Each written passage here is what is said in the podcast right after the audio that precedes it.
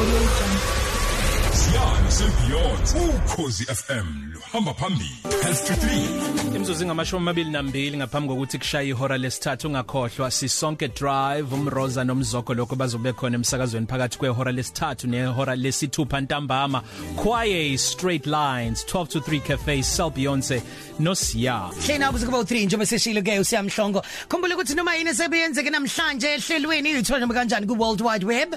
.cozfm.co.za podcast kisho nama mix imbali ngihamba uziwe downloader amixo DJ wethu owathanda kakhulu cozfm.co.za. Njengamanje samukela ke isihambeli sethu Selby esinaye la ngowasolundi kodwa ke wakhulela eNewcastle manje usehlala eThekwini. Siyakwemukela sawubona hlengiwe dubazana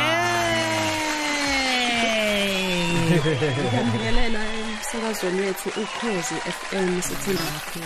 ngiyithanda leyo nto emsakazweni wethu Yebo. sisabalele sonke sihamba phambili nabalaleli abaningi Afrika yonke wonke umuntu ngisho noma lo angathi angawulaleli wonke umuntu umsakazo wakhe ukhozi Yebo, FM umsakazo wakhe.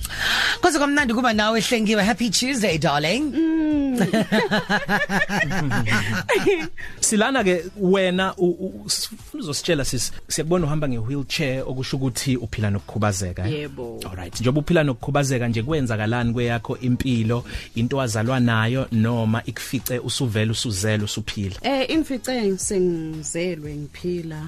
Ngoba ngikhumbula ngisathwala u10 liter ngihamba ngemfuleni ngiyochelela kanye nezinye izingane esasilingana nabo. kwase kwenzakalani? Eh, uyakhumbula ukuthi wawunangaki? Kwaqala kanjani nje mhlawumbe ama symptoms eh, ovendle ipolio le yagcina ikuphethe Ukuqala kwakhona kwaqala kwabe ngathi ngiphethwe umkhuhlane. Lapho kwawumkhuhlane umkhuhlane emva kwalokho kwaba ukugula. Ngangabe ngisakwazi ukuthi ke ngikwazi ukuthi ngivukele ngisukume ngihambe.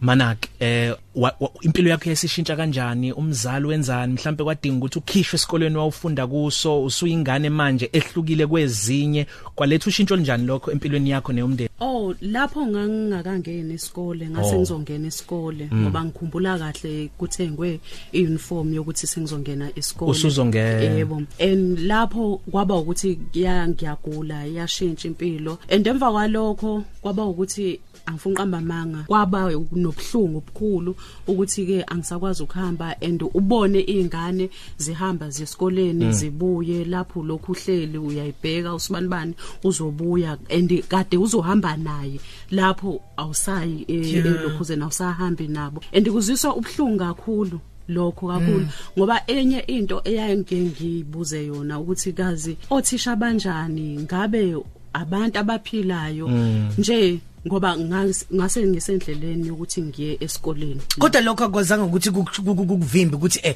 ufezekisa amaphupho akho ngoba khona la owashiya khona ekhaya umncane kakhulu wezethekwini uzofezekisa amaphupho akho. Bathina abazali bakho ngokuthatha leso sinqumo leso? Eh ukusuka kwami ngiza eThekwini akulula akubanga lula kubazali bami ukuthi ngisuke la ngisuke ekhaya ngize eThekwini ngesimo sokuthi babebona impilo ukuthi ngizoyiphila kanjani ngizoyiqhubha kanjani ngiphila ne disability kodwa kuukuthi kwesinsikhathi into kumele uyenze ngenkani ukuze ukwazi ukuthi ke izo qhubeka Eh. Njengoba njengoba usukhulile usungaka sisi eh, uyayinakekela wena manje kodwa futhi abazali bakho noma umndeni badlala iqhaza elikhulu ekutheni kusukela ungenwa uvendle kuze kube manje bakulekelele. Iziphi izeluleko ongayinikeza umuntu ngebe mhlawumbe umzali kodwa umuntu ohlala noma ophila nesifo sovendle? Eh into engayisho kumuntu ophila neyokukhubazeka hayi mina hayi uvendle kuphela. Ukuthi umuntu nje ophila nokukhubazeka kwesinye isikhathi kuba nale gap ephakathi ukuthi awazi ukuthi uzokhuluma nobani uthini.